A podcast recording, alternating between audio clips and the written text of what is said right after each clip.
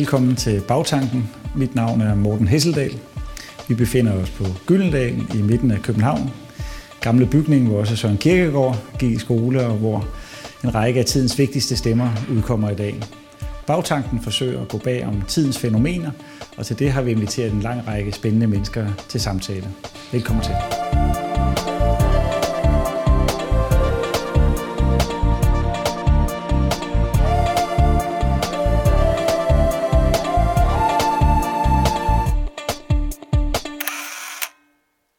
Velkommen til Bagtanken. Det er programmet, hvor vi ser bag tidens fænomener og idéer.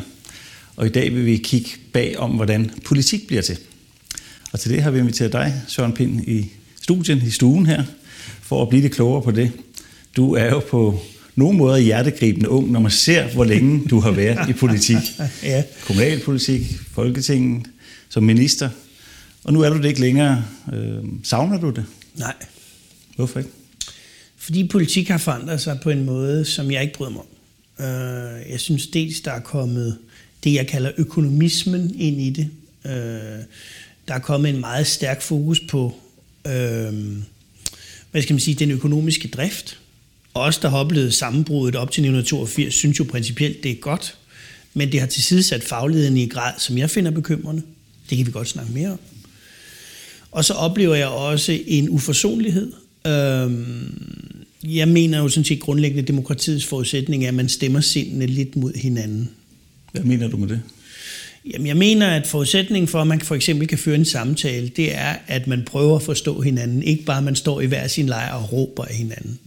Jeg tror, vi begge to har prøvet at føre samtaler med folk, som ikke ønskede at forstå det, man sagde, og som misbrugte hvert et komma eller semikolon, man eventuelt måtte have sat forkert. Men, men kan man ikke også sige det modsatte, det gamle radikale bonmot om, at man skal dele sig efter anskuelse, at, at det også kan blive for hyggeligt, at det kan blive for konsensusagtigt øh, politik, at man ikke ser de forskelle, som vel også er det, som vælgerne øh, stemmer efter? Jo, det kan man sagtens. Øh, og øh, for eksempel min egen tid i kommunalpolitik var udtryk for netop det, hvor ingen var i tvivl om, hvad jeg mente, men jeg samarbejdede med Kramer. Det er jo, synes jeg, øh, den bedste form for folkestyre, man overhovedet kan. Øh, men jeg oplever, at vi lever i en tid, hvor kompromiset er blevet lagt for had, og hvor øh, man i virkeligheden hylder de ultimative løsninger, hvad så end de måtte være. Og det var ikke for mig. Men er det ikke også sådan, at når man sidder længe på magten og regeringsbærende, så bliver man mere og mere pragmatisk og mindre og mindre ideologisk? Øh, er det ikke næsten noget naturlovsagtigt over det? Måske. Det kommer vel an på, hvem man er. Vil nogen sige det om Ronald Reagans regering? Det tror jeg ikke. Men det er klart, at hvis du kigger på dansk politik, øh, så skete der det afgørende ved valget i 1998, at i stedet for kun at have et magtparti, nemlig Socialdemokratiet, så kom der to, øh, også Venstre, fordi Venstre ville hævne det nederlag, som var sket ved Uffe Ellemann Jensens nederlag. Og hvad er et magtparti? Min gode ven Nick Hækkerup er den, jeg kender, der har defineret det bedst. Han sagde en dag til mig, at øh, nu havde han været så længe i Socialdemokratiet, så han havde nået at have alle holdninger til det samme spørgsmål. Øh, og det er jo, det, hvad kan man sige, et magtparti defineres ved, at man siger til sig selv, det er vigtigt at have magten, end nødvendigvis at have en klar entydig holdning til alting. Øh, når man så kommer ind og har magten, så kan man jo administrere den i overensstemmelse med det, man egentlig mener. Problemet er bare, at i længden bliver det noget, der bider sig selv i halen, hvis man hele tiden relativerer sin egen holdning til tingene. Og så sker det, som du, som du beskrev der.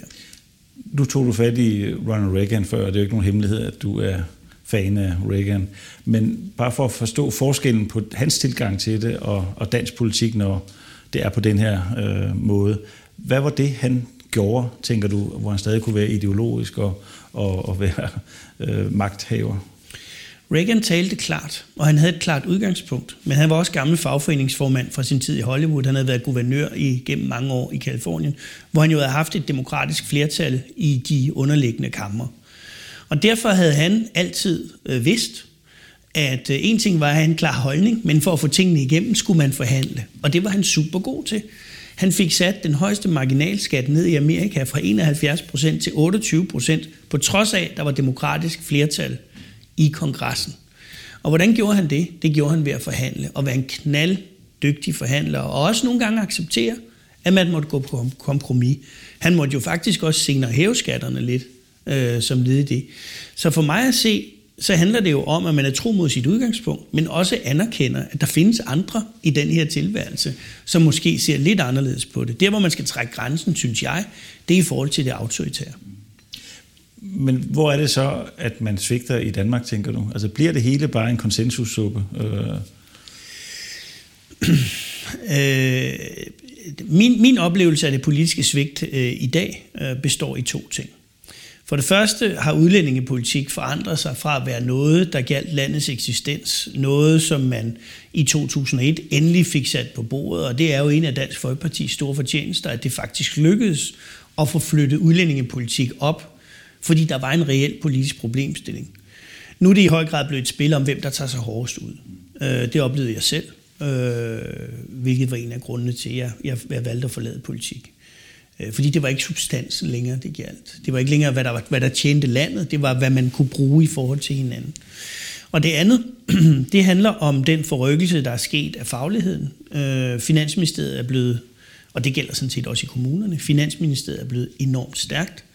Så stærkt, så man nu klipper en hæl og skærer en tog i forhold til de faglige input. Jeg oplevede selv, det har jeg beskrevet i min bog Fri Ord, hvordan Øh, vi sad i nogle centrale forhandlinger omkring politiets vilkår.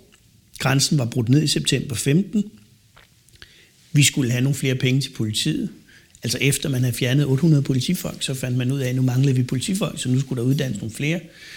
Og som led i det blev der udarbejdet en trusselsvurdering af PET om, hvad truslen var mod Danmark. Og en dag kommer min departementchef ind til mig, meget oprevet, og siger, nu er det nok. Og det viser sig altså, at en kontorchef i Finansministeriet sidder rettet i den her trusselsvurdering, fordi øh, vedkommende havde den opfattelse, at det så for dyrt ud. Og det djævelske i den arbejdsmetode, det var jo, at det var mig, der skulle oversende det papir til regeringen og til Folketinget. Øh. Men, men hvad er problemet i det, hvis nu departementchefen har et bedre fagligt jugement end de folkevalgte? Jamen, det der er problemet er jo sådan set, at øh, politikerne skal have de informationer, de skal have for at træffe beslutningerne. Og hvis en økonom er, udv- er i virkeligheden af uvedkommende hensyn begynder at pille i den faglige vurdering af, hvad truslen er mod Danmark, udarbejdet af fagfolk, som har dyb forstand på det her, så får man ikke det reelle beslutningsgrundlag. Og det er i virkeligheden det, der jeg opfatter som det mest problematiske. For jeg går ind for en kontant økonomisk politik, men det skal ske på et oplyst grundlag. Og det er den oplevelse, jeg har, øh, at man fjerner information fra beslutningstagerne. Og så man afpolitiserer politik ja, på den måde? Ja, i virkeligheden også det. Øh, det frygtelige udtryk, der dukkede op under Torning-regeringen, var jo den såkaldt nødvendige politik. For mig at se, findes den nødvendige politik ikke. Øh, der findes politik, og det har så konsekvenser. Og det kommer an på, hvis man fører en socialistisk politik, jamen så øh, mindsker man initiativ og virkeløst. Til gengæld så har man så planlægning, styring og kontrol hvis man foretrækker det. Det gør jeg selvfølgelig ikke. Og så er der en mere liberal politik, hvor man jo fremmer virkeløst, men hvor man så også belønner nogle mennesker, og det er der så nogen, der ikke bliver. Altså, sådan er det jo. Nødvendighedens politik, den gør vel, at almindelig politik bliver overflødigt gjort. Altså, hvis man det kun bliver... træffer nødvendige beslutninger, fordi økonomien tilsiger det, så er det vel ligegyldigt med politikere. Ja, og så sker der jo samtidig det, at man lader som om, at øh, folk, som har andre synspunkter, de er, altså det, det bliver jo, altså det bliver jo øh, hvad man sige, ja, usagligt er et mildt udtryk i den sammenhæng. Ikke? Øh, og, og, og, og sagen er jo, og det synes jeg, vi opdager de her år, det er jo det, der er grunden til Trump og Brexit, og at Dansk Folkeparti blev det største parti i, i, i 2015. Det handler jo præcis om den her ufolkeliggørelse af politikken.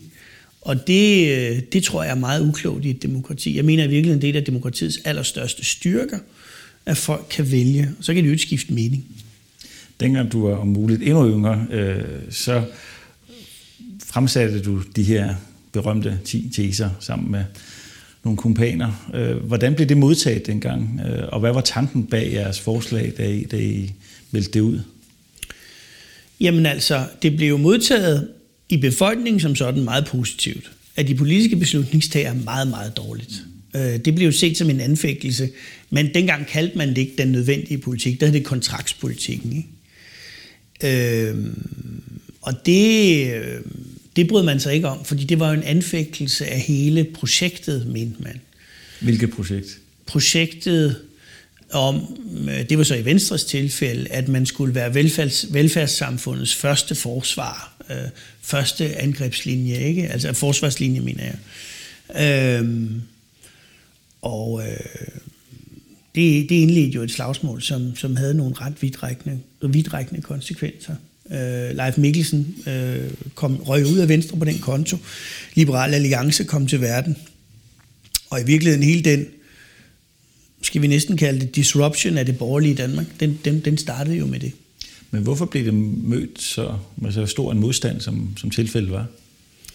Jeg tror dels, det var fasongen, men jeg tror også indholdet. Øh, altså sagen var jo, at der øh, op til valget i 2001 var afgivet nogle løfter, som led i kontraktspolitikken, hvor blandt andet for Rasmussen stillede sig i spidsen for at sige, øh, bare rolig, vi beskærer ikke den offentlige sektor, fordi vi havde tabt valget i 98, men man blandt andet på grund af det, og bare rolig, vi beskærer ikke overførselsindkomsterne, fordi også dengang med efterløn og skattelettelser, hvad ved jeg, at det var bekymring. Det, der så opstod en diskussion om, det var om det at fastfryse, altså fastholde et bestemt niveau, om det var en beskæring eller ej.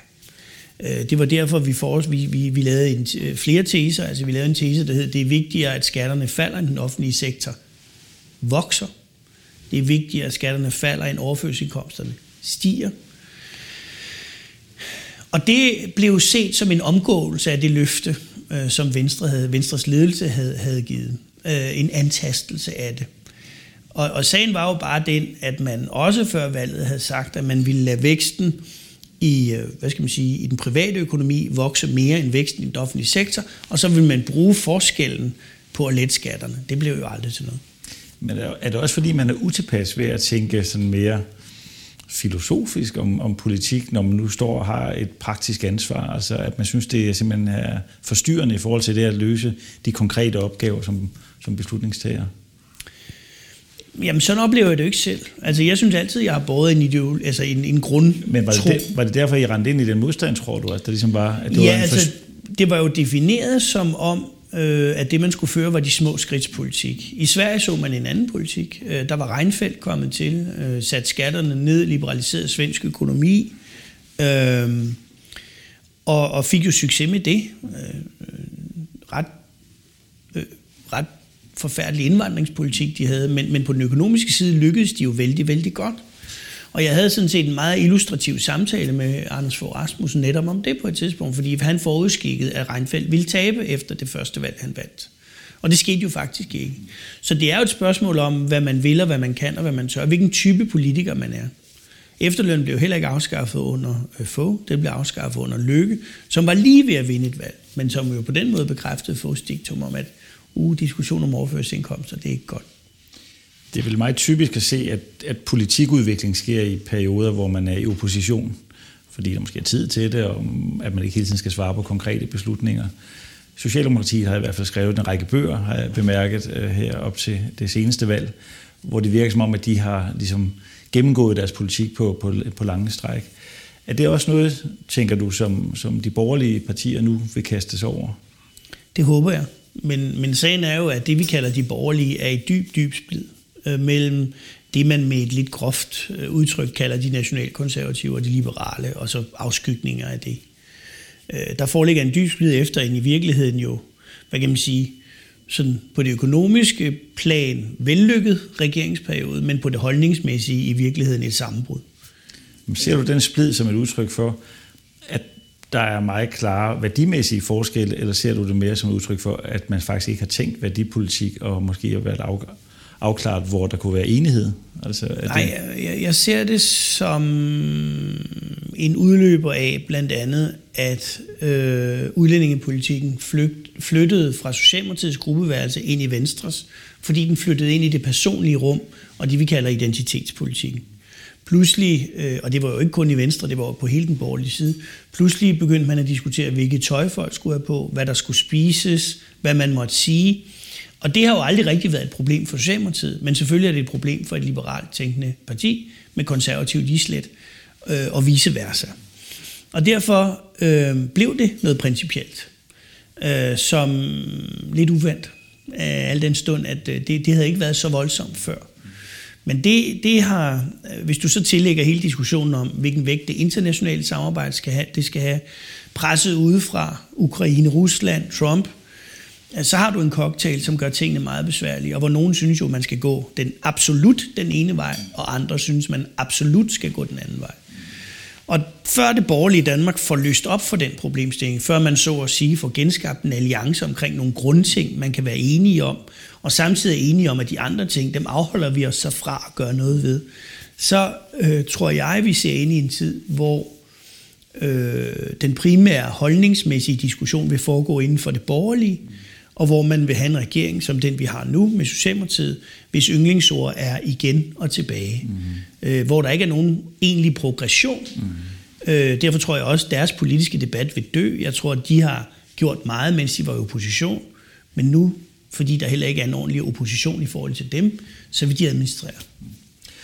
Det er jo blevet sagt om de borgerlige partier i dag, at de minder, minder om venstrefløjen i 70'erne og 80'erne, altså at de kommer i flere og flere aftapninger, og for vælgerne bliver det vanskeligere og vanskeligere egentlig at se forskellen på de mange forskellige grupperinger. Øh, men hvis du skulle prøve at trække de her linjer, øh, du var lidt inde på det før, de brudflader, der er øh, blandt de borgerlige i Danmark, og også der, hvor de kan finde sammen i givet fald, hvad, hvad, hvad, vil, det være, hvad, hvad vil være de vigtigste brudflader, og hvad vil være de vigtigste områder, hvor man vil kunne genetablere en, en borgerlig samling? De vigtigste budflader går på udlændingepolitikken og spørgsmål om det internationale samarbejde.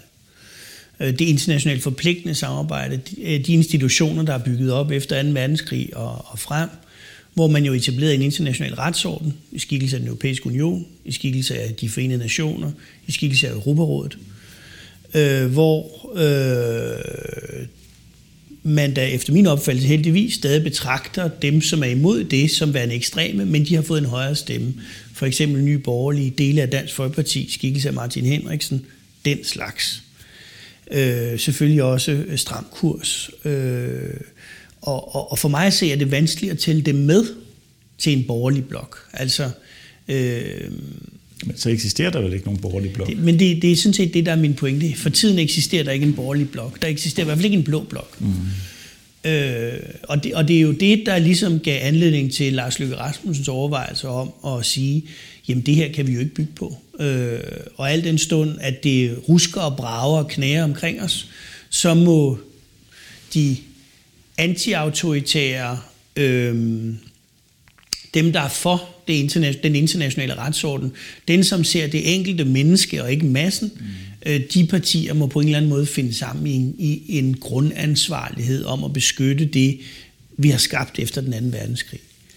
Øh, og det er, hvis du skulle nævne dem, hvem vil være de centrale partier der? Jamen det, det er klart, det er centrum højre, centrum venstre. Altså det vil være det konservative folkeparti, det vil være Socialdemokratiet, det vil være give and take det radikale venstre, men altså, øh, og det vil være venstre. Altså det vil være øh, midterpartierne med en, med en sidefølelse, ikke? Øhm, indtil der kommer en afklaring af, en, en, en, en afklarethed omkring, at øh, internationale konventioner skal man behandle med varsomhed, indtil der kommer en afklaring af, at øh, det personlige liv, det blander man sig ikke i på den måde. Øhm, og det, det, det, det kommer der til at gå noget tid med.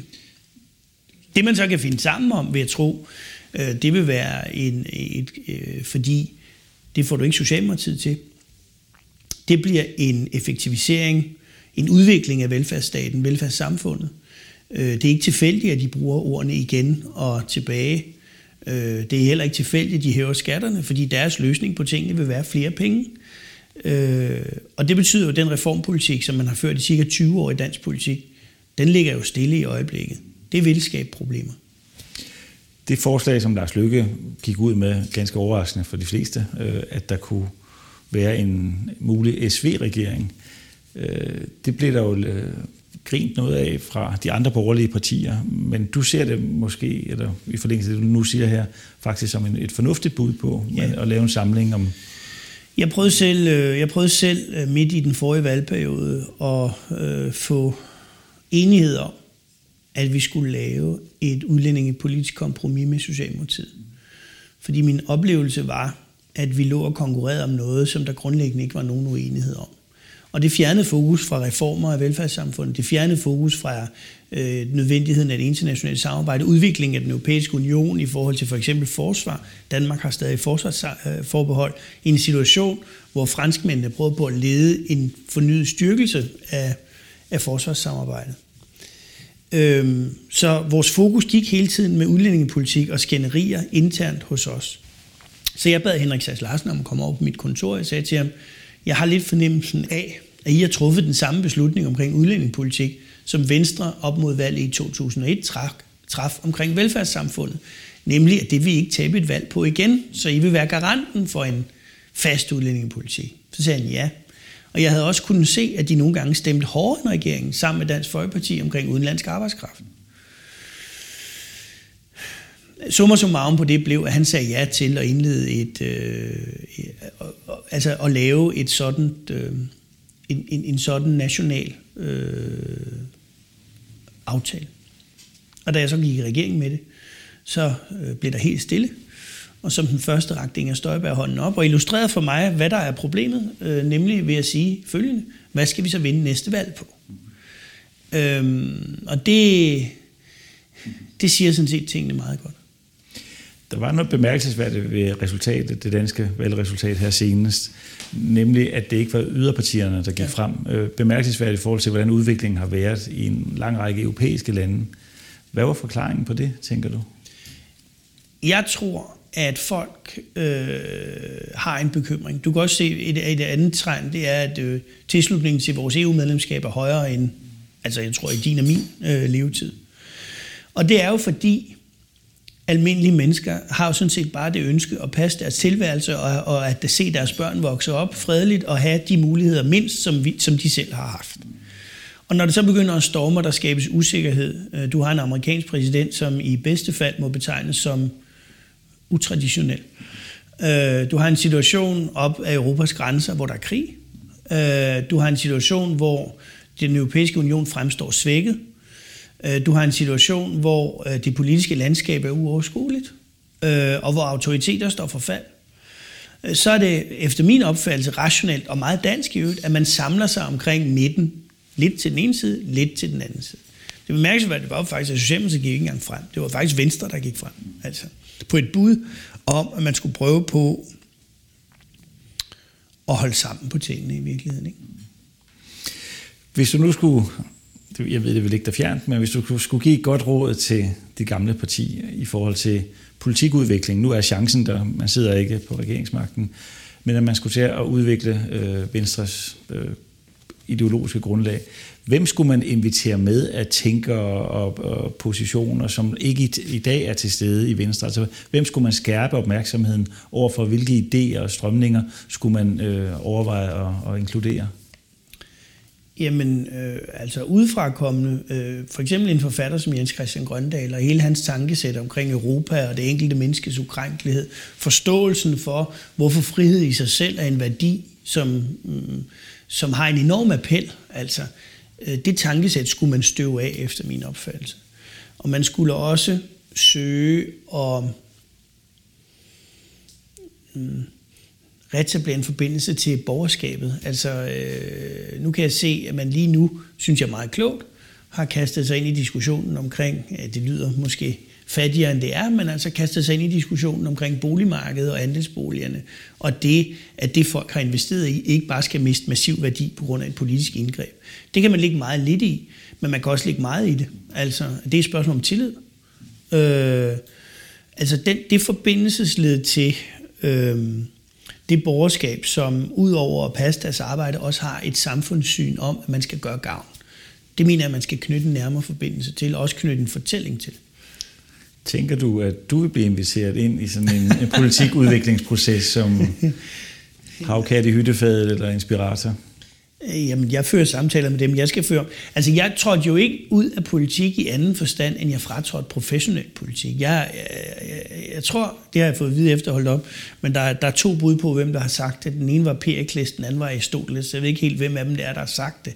Men en af de herres betegnelse for en idiot, det var et menneske, der ikke beskæftigede sig med det offentlige liv.